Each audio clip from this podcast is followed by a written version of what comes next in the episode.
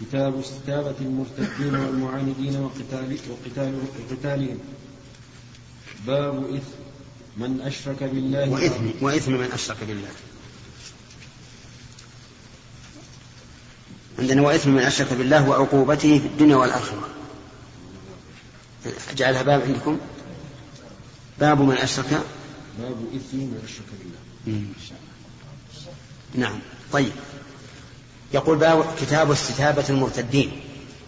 استتابة أي طلب توبة المرتدين. والمرتدون هم الخارجون عن الإسلام.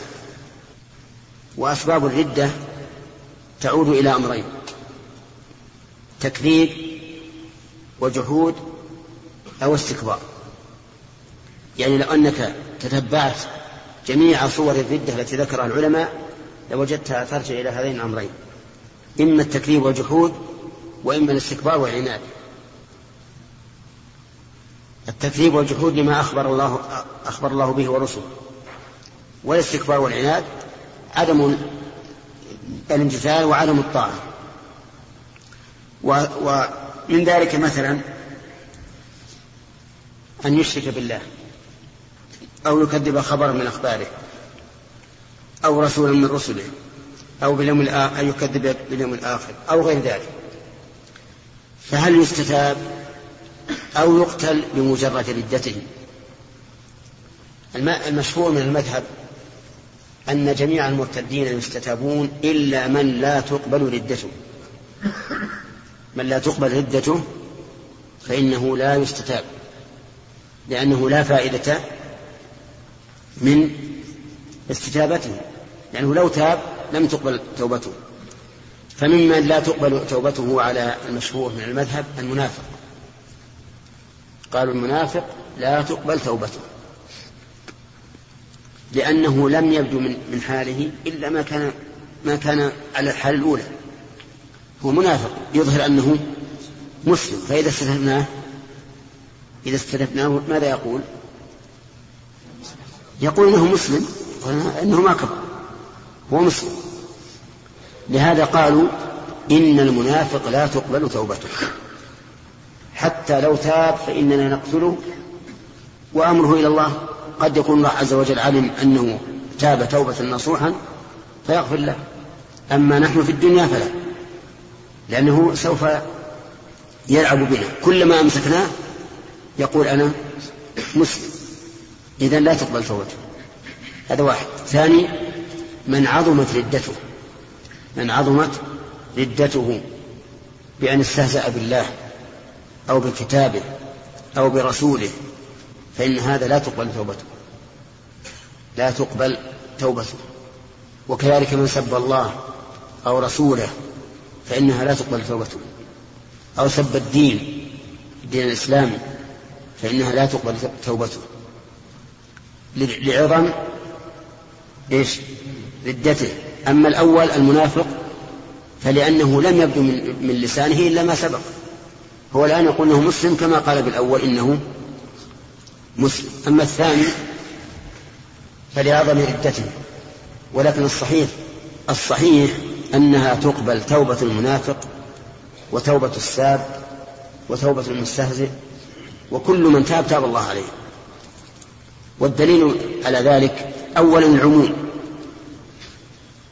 مثل قوله تعالى قل يا عبادي الذين أسرفوا على أنفسهم لا تقنطوا من رحمة الله إن الله يغفر الذنوب جميعا. والذنوب هذه لفظ عام يشمل كل ذنب ثم أكد هذا العموم بقوله جميعا. هذه آية عامة. وهناك خصوص أدل آيات تدل على صحة توبة المنافق. مثل قوله تعالى إن المنافقين في الدرك الأسفل من النار ولن تجد لهم نصيرا إلا الذين تابوا وأصلحوا واعتصموا بالله وأخلصوا دينهم لله فأولئك مع المؤمنين. ولن يكونوا مع المؤمنين إلا إذا قبلت توبتهم. وكذلك في من استهزأ بالله. قال الله تعالى قل أب الله وآياته ورسوله كنتم تستهزئون لا تعتذروا قد كفرتم بعد إيمانكم إن نعفو عن طائفة منكم نعذب طائفة. فقوله إن نعفو عن طائفة منكم يدل على إمكان توبة هؤلاء. وهذا هو الصحيح. إلا أن هؤلاء يراقبون أكثر من غيرهم. ولهذا أكد التوبة في المنافقين قال إلا الذين تابوا وأصلحوا واعتصموا بالله وأخلصوا دينهم لله فلا بد من مراقبة دقيقة على هؤلاء وكذلك المستهزئون. وعلى هذا فمن سب الله وتاب ها قبلنا توبته ورفعنا عنه القتل وقلنا أنت منا ونحن منك. وأما من سب الرسول صلى الله عليه وآله وسلم فإننا نقبل توبته أيضا. نقبل توبته. ولكننا نقتله. نقتله مسلما وأما من سب الله فنقبل توبته ولا نقتله. لا لأن سب الرسول أعظم من سب الله. بل سب الله أعظم. ولكن سب الرسول صلى الله عليه وآله وسلم حق له حق له. ولا نعلم أنه أسقط هذا الحق. فيجب الأخذ بحقه من هذا الذي سبه. وأما, وأما سب الله فهو حق لمن؟ لله. وقد أخبرنا الله عن نفسه أنه يغفر الذنوب جميعا. وأنه يغفر للمنافق وللساب المستهزئ.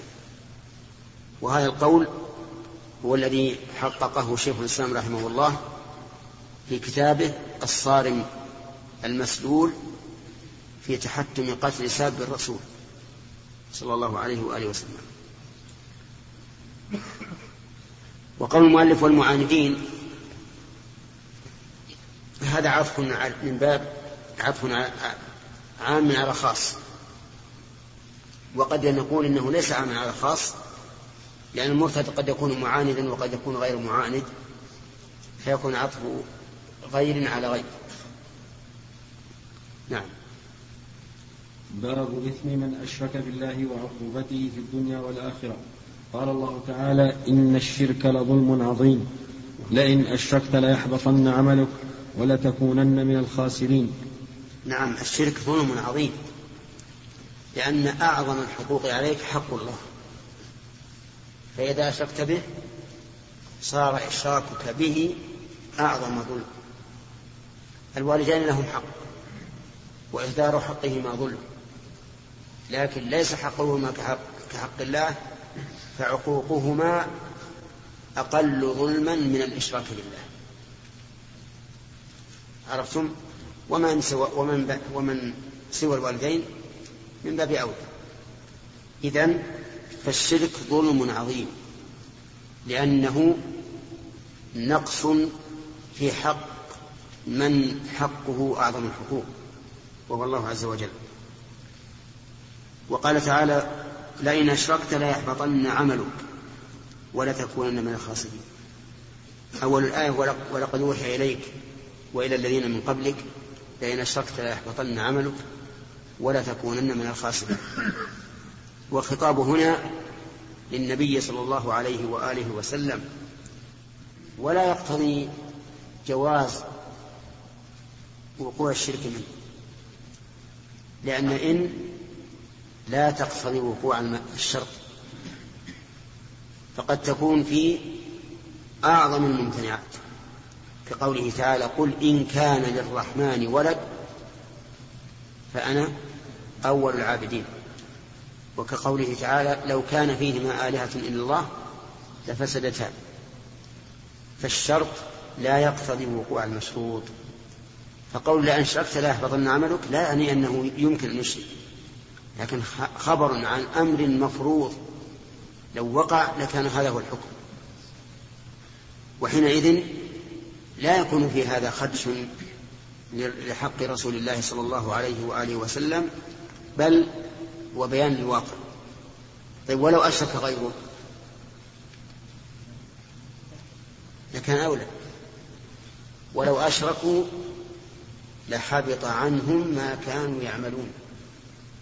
طيب وهذه الآية ونحوها مقيدة بقيد ذكره الله عز وجل في قوله ومن يرتد منكم عن دينه فيمت وهو كافر فأولئك حبطت أعمالهم. وهذا القيد لا بد منه لأنه لو ارتد ثم عاد إلى الإسلام لم يحبط عمله. لكان عمله السابق ثابتا أجرا وحكما. ولهذا لو لو حج ثم ارتد بعد حجه ثم عاد إلى الإسلام لم لم يلزمه إعادة الحج. لماذا؟ ها؟ لأنه لم يمت على الردة بل تاب. حتى أن القول الراجح من أقوال أهل العلم أن الصحبة لا تبطل.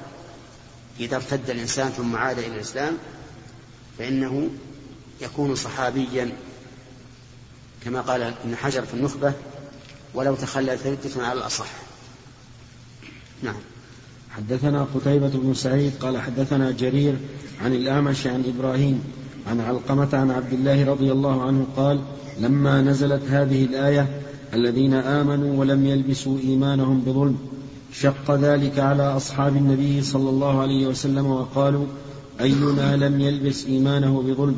فقال رسول الله صلى الله عليه وسلم إنه ليس بذلك. ألا تسمعون إلى قول لقمان إن الشرك لظلم عظيم. نعم. هنا يقول عن عبد الله من عبد الله؟ ما الدليل؟ لأنه تلميذ عبد الله بن مسعود. طيب. لما لما نزلت هذه الآية الذين آمنوا ولم يلبسوا إيمانهم بظلم أي لم يخلطوه بظلم شق ذلك على الصحابة. وقالوا أينا لم, أينا لم يخلط لم يلبس إيمانه بظلم. كلنا عندنا ظلم. الإنسان ما يخلط غيبة نميمة تقصير في واجب وما أشبه ذلك. فقال النبي صلى الله عليه وآله وسلم إنه ليس بذلك. يعني ليس بهذا الذي ظننتم أن المراد به أي ظلم. ألا تسمعون إلى قول لقمان إن الشرك لظلم عظيم.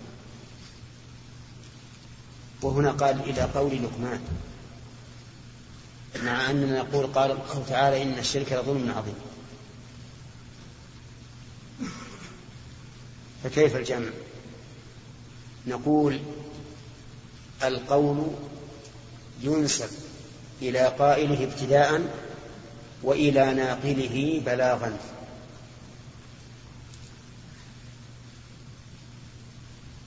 عرفتم؟ ها؟ القول ينسب إلى قائله ابتداء وإلى قائله بلاغا. ناقله وإلى ناقله بلاغا. وإلى ناقله بلاغا. ألم تسمعوا إلى قوله تعالى إنه لقول رسول كريم ذي قوة عند ذي العرش مكين فنسب القول إلى جبريل لأنه بلغه إلى رسول الله صلى الله عليه وآله وسلم. وقال تعالى إنه لقول رسول كريم وما هو بقول شاعر. فنسبه إلى من؟ إلى رسول الله صلى الله عليه وآله وسلم. لأنه بلغه أمته. فهنا نسب القول إلى المبلغ. إذا قول لقمان ينسب إلى لقمان لأنه قاله ابتداء. وينسب إلى الله عز وجل لأنه بلغه عنه بلغه عنه. وفي هذا دليل على أنه لا يلزم من القول أن يكون باللفظ لأن لقمان لم ينطق بالعربية وإنما كان ينطق بلغته. ومع هذا نسب القول إليه مع أنه باللغة العربية.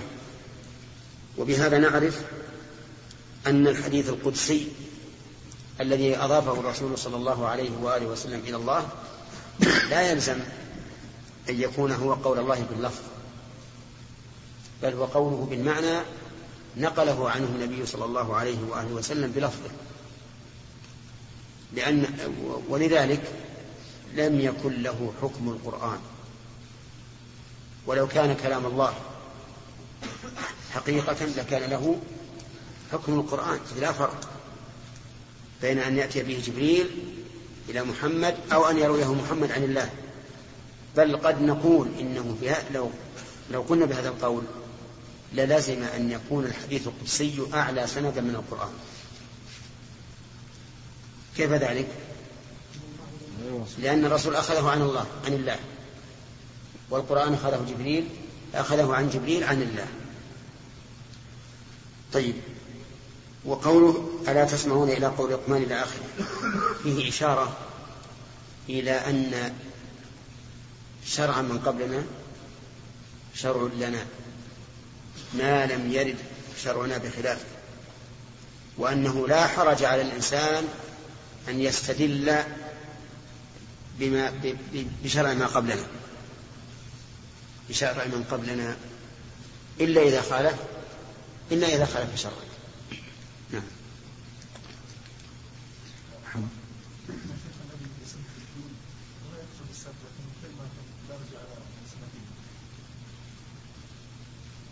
العلماء يقولون إذا نطق بها ولو كان مستهزئا أو ساخرا.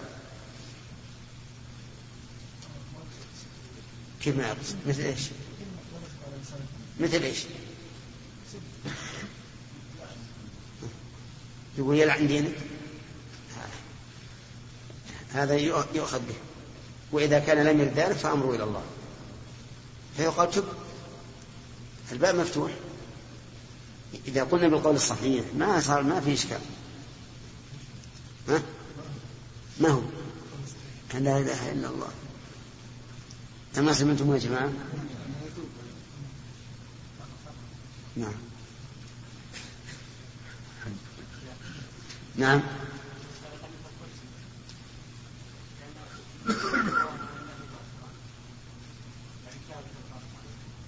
كيف نعم هنا نعم. آه لا أعلى سنة هنا نعم. كيف؟ إيه لأن الرسول غير مدلس إذا إذا نسب الحديث لله فهو متصل نعم ثلاثة اثنين نعم يا إيش؟ إيه؟ لا هذا خطأ. لأن إسلامنا نحن هو اللي أخرنا. إسلامنا نحن مو الإسلام الحقيقي الإسلام يقدم أهله لكن نحن نقول نحن مسلمون ولكننا أضعنا كثيرا من الإسلام. فالذي أخرنا تأخرنا في الإسلام. ولو تقدمنا في الإسلام وأتينا بما يجب لكان لنا التقدم كما كان لأسلافنا.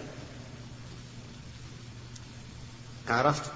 نعم حدثنا مسدد قال حدثنا بشر بن المفضل قال حدثنا الجريري حاء وحدثني قيس بن حفص قال حدثنا إسماعيل بن إبراهيم قال أخبرنا سعيد الجريري قال حدثنا عبد الرحمن بن أبي بكر عن أبيه رضي الله عنه قال قال النبي صلى الله عليه وسلم أكبر الكبائر الإشراك بالله وعقوق الوالدين وشهادة الزور وشهادة الزور ثلاثة أو قول الزور. فما زال يكررها حتى قلنا ليته سكت. نعم. أكبر الكبائر أفادنا رسول الله صلى الله عليه وآله وسلم أن الذنوب كبائر وصغائر وأن الكبائر أكبر وأصغر. واضح؟ وكذلك الفضائل. الفضائل تختلف. بعضها أصول لا بد منها وبعضها دون ذلك وبعضها دون ذلك. ف ففيه رد على قول من يقول إن الإيمان لا يتفاضل وأن المؤمنين لا يتفاضل منه. وذكر الإشراك بالله لأنه حق الله. حقوق الوالدين لأنه حق الوالدين. شهادة الزور لما فيها من الفوضى والفساد. بقي أن يقال أين حق الرسول؟ فماذا نقول؟ نقول داخل في حق الله. وفي هذا الحديث دليل على عظم شهادة الزور.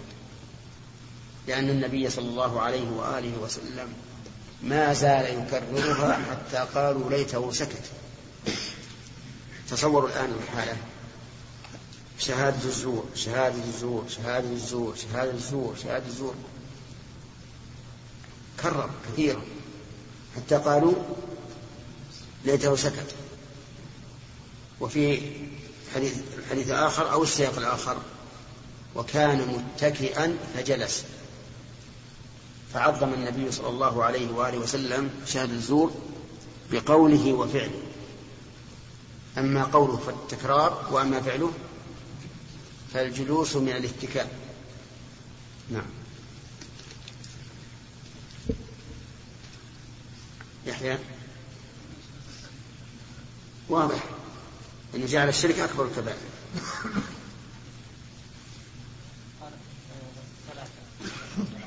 نعم.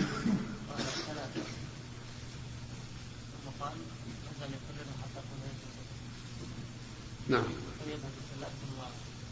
هي كررها ثلاثة وزاد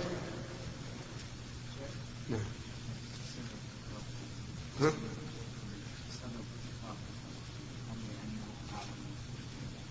لا أعظم فسادا لأن المشرك ذنبه على على على جنبه كما يقول العام لكن شاهد الزور يفسد كل شيء.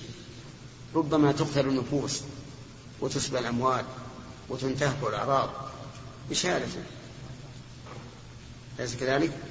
قد يشهد زورا أن فلانا قتل فلانا عمدا فيقتل. أو يشهد زورا أن فلان عقد على هذه المرأة عقدا عقد نكاح فيبيح الزنا بها وهو لم يحصل عقد. أو يشهد بأن فلان أفسد أمال فلان فيضمن. هنا حدثني محمد بن الحسين بن إبراهيم قال أخبرنا عبيد الله بن موسى قال أخبرنا شيبان عن فراس عن الشعبي عن عبد الله بن عمرو رضي الله عنهما قال جاء أعرابي إلى النبي صلى الله عليه وسلم فقال يا رسول الله ما الكبائر؟ قال الإشراك بالله. قال ثم ماذا قال عقوق الوالدين؟ قال ثم قال ثم عقوق. نعم يا شيخ ثم عقوق. نعم. قال ثم عقوق الوالدين. قال ثم ماذا قال اليمين الغموس؟ قلت وما اليمين الغموس؟ قال الذي يقتطع مال امرئ مسلم هو فيها كاذب. نعم. وهنا جعل الدرجة الثالثة جعل فيها إيش؟ لا الدرجة الثالثة جعل شهادة الزور. هي في الحديث الأول. جعل الثالثة شهادة الزور. وهنا جعلها اليمين الغموس, اليمين الغموس. لأن في كليهما اقتطاع أموال الناس بغير حق فالشاهد بالزور يشهد بأن لفلان على فلان كذا فيكون مقتطعا. لمال أخيه.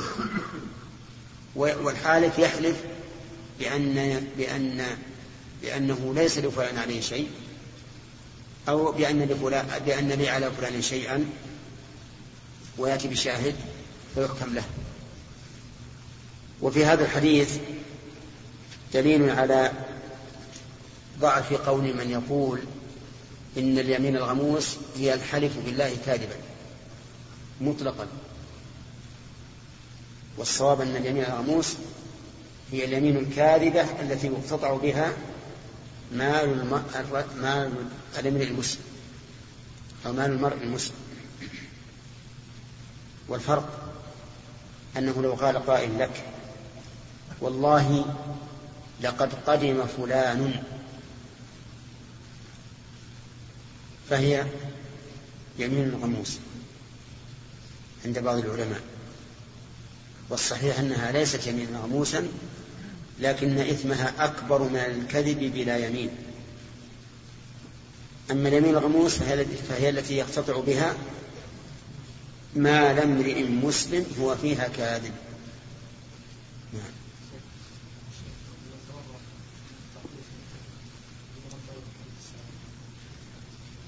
لا ما أظن أحد يتورع من أجل الحديث يعني. لأن النبي صلى الله عليه وآله وسلم ثبت عنه أنه كان يقرأ القرآن وهو متكئ في حجر عائشة ولا حائل لكن من الناس من يتورع لعله لسوء الأدب مع الجالسين إيه. نعم ها؟ إيش؟ نعم عن لا لا متغيران اليمين الغموس يشهد بها الإنسان لنفسه والشهادة الزور يشهد بها لغيره على غيره واليمين يشهد لنفسه على غيره. هما متغيران. حذف حذف إي نعم لكن هذا يدعيه لنفسه. يريد أن يثبت حقا لنفسه على غيره. والشهادة؟ ها. يريد أن يثبت بها حقا لغيره على غيره. نعم محمد. نعم. يعني كأنهم رضي الله عنهم خافوا أن أن تنزل العقوبة. أو لعلهم رحموا النبي عليه الصلاة والسلام من كثرة التكرار. أو لسبب من الأسباب. حد... نعم. حدثنا خلاد بن يحيى قال حدثنا سفيان عن منصور والأعمش عن أبي وائل عن ابن مسعود رضي الله عنه أنه قال قال رجل يا رسول الله أنؤاخذ بما عملنا في الجاهلية؟ قال من أحسن في الإسلام لم يؤاخذ بما عمل في الجاهلية ومن أساء في الإسلام أخذ بالأول والآخر. لأن أول الجملة الأولى لأن الإسلام يجب ما قبله.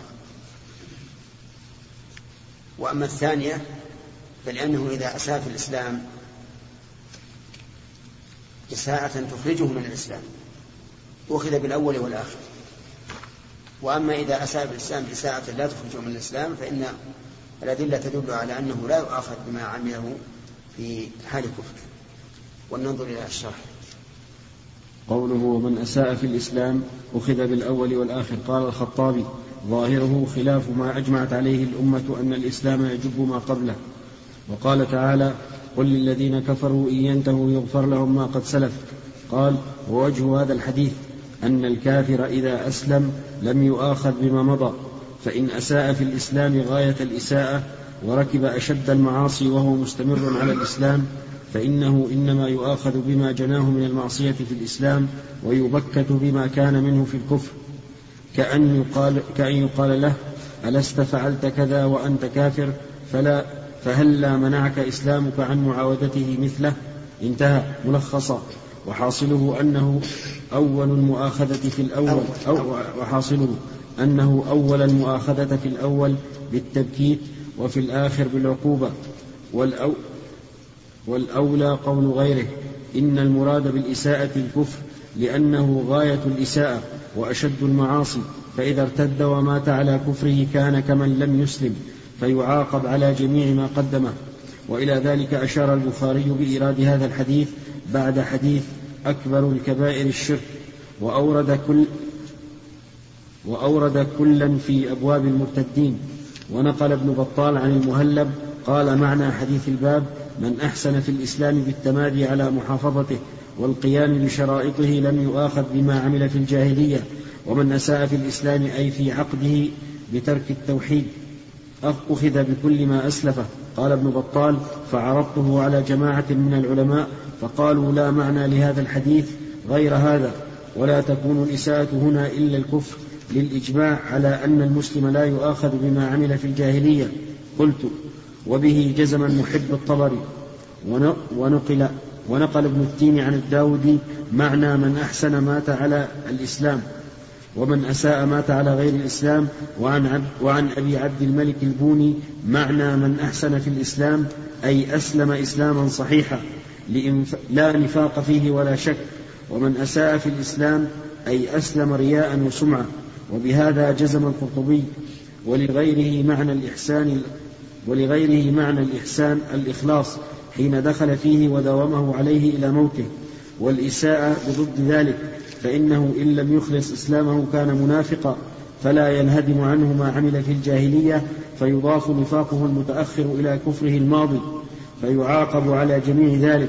قلت وحاصله أن الخطابي حمل قوله في الإسلام على صفة خارجة عن ماهية الإسلام وحمله غيره على صفة في نفس الإسلام وهو أوجه تنبيه. حديث ابن مسعود. تنبيه. حديث ابن مسعود هذا يقابل حديث أبي سعيد الماضي في كتاب في كتاب الأيمان. معلق عن مالك. فإن ظاهر هذا أن من ارتكب المعاصي بعد أن أسلم يكتب عليه ما عمله من المعاصي قبل أن يسلم. وظاهر ذلك أن من عمل الحسنات فإن هذا فإن هذا فإن ظاهر هذا أن من ارتكب المعاصي بعد أن أسلم يكتب عليه ما عمله من المعاصي قبل أن يسلم. وظاهر ذلك أن من عمل الحسنات بعد أن أسلم يكتب له ما عمله من الخيرات قبل أن يسلم. وقد مضى القول في توجيه الثاني عند شرحه. ويحتمل أن يجيء هنا بعض ما ذكر هناك كقول من قال إن معنى كتابة ما عمله من الخير في الكفر أنه كان سببا لعمله الخير في الإسلام ثم وجدت في كتاب السنة لعبد العزيز بن جعفر وهو من رؤوس الحنابلة ما يدفع دعوة الخطابي وابن بطال الإجماع الذي نقلاه وهو ما نقل عن الميمون عن أحمد وهو ما نقل عن الميمون عن أحمد أنه قال ما نقل أو ما نقل عن الميمون ما نقل من إيه؟ من الناقل من الناقل؟ آه، أبو جعفر. وهو ما نقل عن الميمون عن أحمد أنه قال بلغني أن أبا حنيفة يقول إن من أسلم لا يؤاخذ بما كان في الجاهلية ثم رد عليه بحديث ابن مسعود ففيه أن الذنوب التي كان الكافر يفعلها في جاهليته إذا أصر عليها في الإسلام فإنه يؤاخذ بها لأنه بإصراره لا يكون تاب منها وإنما تاب من الكفر فلا يسقط عنه ذنب فلا يسقط عنه ذنب تلك المعصية. لإصراره عليها. وإلى هذا ذهب الحليمي من الشافعية وتأول بعض الحنابلة قوله قل للذين كفروا إن ينتهوا يغفر لهم ما قد سلف على أن المراد ما سلف ممن انتهوا عنه ممن انتهوا عنه. قال والاختلاف في هذه المسألة مبني على أن التوبة هي الندم على الذنب مع الإقلاع عنه والعزم على عدم العود إليه والكافر إذا تاب من الكفر ولم يعزم على عدم العود إلى الفاحشة لا يكون تائبا منها فلا تسقط عنه المطالبة بها. والجواب عن الجمهور عن الجمهور يا شيخ؟ نعم. عن الجمهور. إيش؟ والجواب عن الجمهور ولا عن الجمهور؟ وش اللي بعده؟ والجواب عن الجمهور أن هذا خاص بالمسلم. وأما الكافر فإنه يكون بإسلامه كيوم ولدته أمه. والأخبار دالة على ذلك كحديث أسامة لما أنكر عليه النبي صلى الله عليه وسلم قتل الذي قال لا إله إلا الله حتى قال في آخره حتى تمنيت أنني كنت أسلمت يومئذ.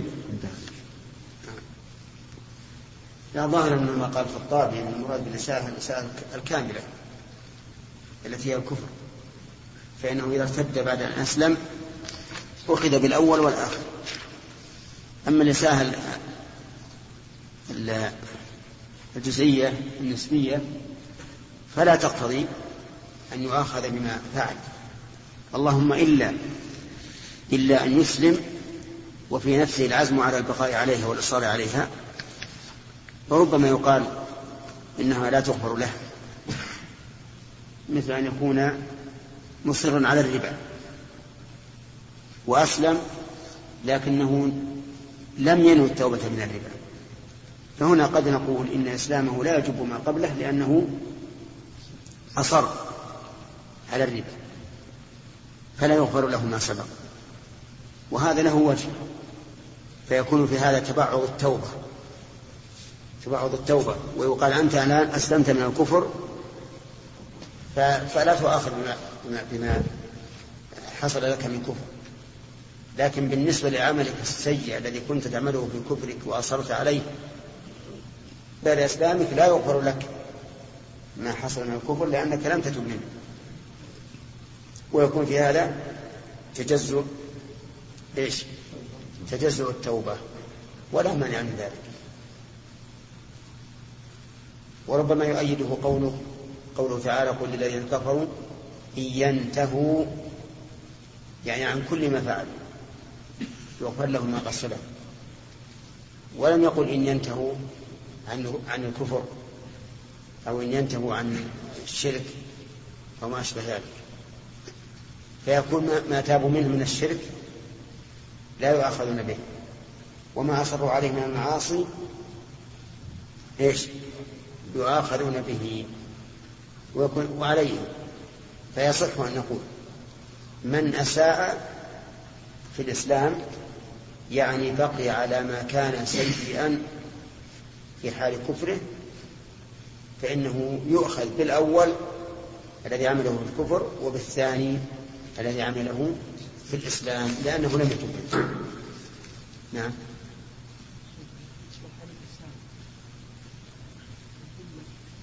ها؟ نعم.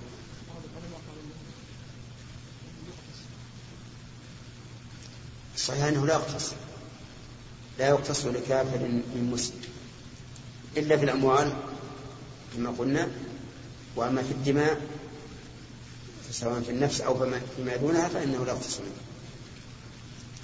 نعم. الآن تبين المعنى.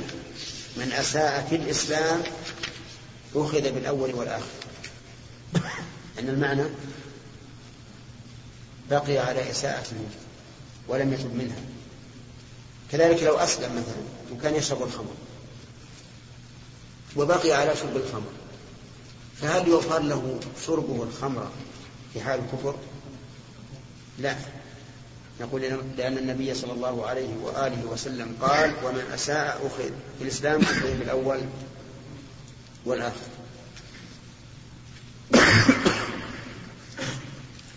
باب حكم المرتد والمرتدة واستتابتهم.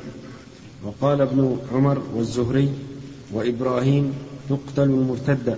وقال الله تعالى كيف يهدي الله قوما كفروا بعد إيمانهم وشهدوا أن الرسول حق وجاءهم البينات. قوله تقتل المرتدة هذا فيه إشارة إلى رد قول من يقول إن المرأة لا تقتل إذا ارتدت ويستدل بعموم نهي النبي صلى الله عليه وآله وسلم عن قتل النساء.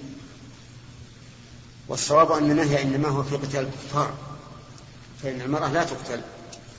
أما المرتدة فإنها تقتل لعموم قول النبي صلى الله عليه وآله وسلم من بدل دينه فاقتلوه. نعم. وقال الله تعالى كيف يهدي الله قوما كفروا بعد إيمانهم وشهدوا أن الرسول حق وجاءهم البينات والله لا يهدي القوم الظالمين. أولئك جزاؤهم أن عليهم لعنة الله والملائكة والناس أجمعين خالدين فيها لا يخفف عنهم العذاب ولا هم ينظرون. إلا الذين تابوا من بعد ذلك وأصلحوا فإن الله غفور رحيم. إن الذين كفروا بعد إيمان يعني هذا يأس أن يأخذ بقلوبنا لولا قوله نعم إلا الذين تابوا. وإلا لأيس الإنسان من نفسه. لأن كثيرا من العصاة يعصون الله من بعد ما جاءهم البينات. وكذلك الكفار يكفرون بعد إيمانهم وبعد أن شهدوا أن الرسول حق بالبينات التي جاء بها فيقول الله عز وجل كيف يهديهم؟ يعني هذا استبعاد لهدايته. ثم قال إلا الذين تابوا يعني رجعوا إلى الله من كفرهم فإن الله تعالى يغفر لهم. إن الذين كفروا بعد إيمانهم ثم ازدادوا كفرا لن تقبل توبتهم وأولئك هم الضالون. وقال يا أيها الذين آمنوا إن تطيعوا, إن تطيعوا فريقا من الذين أوتوا الكتاب. ولهذا ينبغي ينبغي لمن دعوا الكافر للإسلام أن يبينوا له شرائع الإسلام الإسلام قبل أن يسلم لأنه لو أسلم ثم بينت له الشرائع من بعد. ثم استثقلها وأبى أن يسلم صار مرتدا بعد إسلامه فإذا أردت أن تعرض على شخص كافر أن يسلم فبين له شرائع الإسلام قبل قل يجب عليك مثلا الصلاة الطهارة الصدقة الزكاة الصوم الحج. هنا. وقال يا أيها الذين آمنوا إن تطيعوا فريقا من الذين أوتوا الكتاب يردوكم بعد إيمانكم كافرين. وقال إن الذين آمنوا قوله أن تطيعوا فريقا من الذين. فيه إشارة إلى أن بعض الكفار قد لا يشير عليك بالكفر. وهذا هو الواقع. فإن الكفار ينقسمون إلى قسمين دعاة وغير دعاة. فالدعاة هم الذين يأمرون أن نكفر بالله. فيقول الله عز وجل لا تطيعوا هؤلاء. إن تطيعوا فريقا من الكتاب يردوكم بعد إيمانكم كافرين. يعني بعد أن كنتم مؤمنين يردونكم إلى الكفر والعياذ بالله. وفي هذه الآية تحذير من طاعة الكافرين. وأنهم لن يأمروننا بخير. أما غير الدعاة وهم الساكتون عنا والذين هم ماضون في كفرهم ولكن لا يتعرضون لنا بالدعوة فهؤلاء قد يأمرون بما فيه مصلحة لنا. نعم. وقال إن الذين آمنوا ثم كفروا ثم آمنوا ثم كفروا ثم ازدادوا كفرا لم يكن الله ليغفر لهم ولا ليهديهم سبيلا. هذا ممن لا تقبل توبته على المشهور بالمذهب وهو من تكررت ردته يعني ارتد. ثم آمن. ثم ارتد. فاستجبناه. فآمن. ثم ارتد. فاستجبناه. فآمن. ثم ارتد. فاستجبناه. فآمن في الرابعة. قالوا لا لا, لا تقبل توبته. لماذا؟ لأنه متلاعب بنا متلاعب بنا. ونخشى أن تكون توبته الرابعة نعم مكرا بنا. فلا نقبل توبته فنقتله لكن فيما بينه وبين الله قد يكون صادقا في الأخيرة فالله لا يؤاخذه. نعم. أما هذه الآية استدلالهم بهذه الآية ليس بوجيه. يقول آمنوا ثم كفروا ثم آمنوا ثم كفروا. هذا هاتان مرتان. كفروا مرتين. لكن في النهاية ثم ازدادوا كفرا. لم يكن الله ليغفر لهم. نعم. الشيخ الشيخ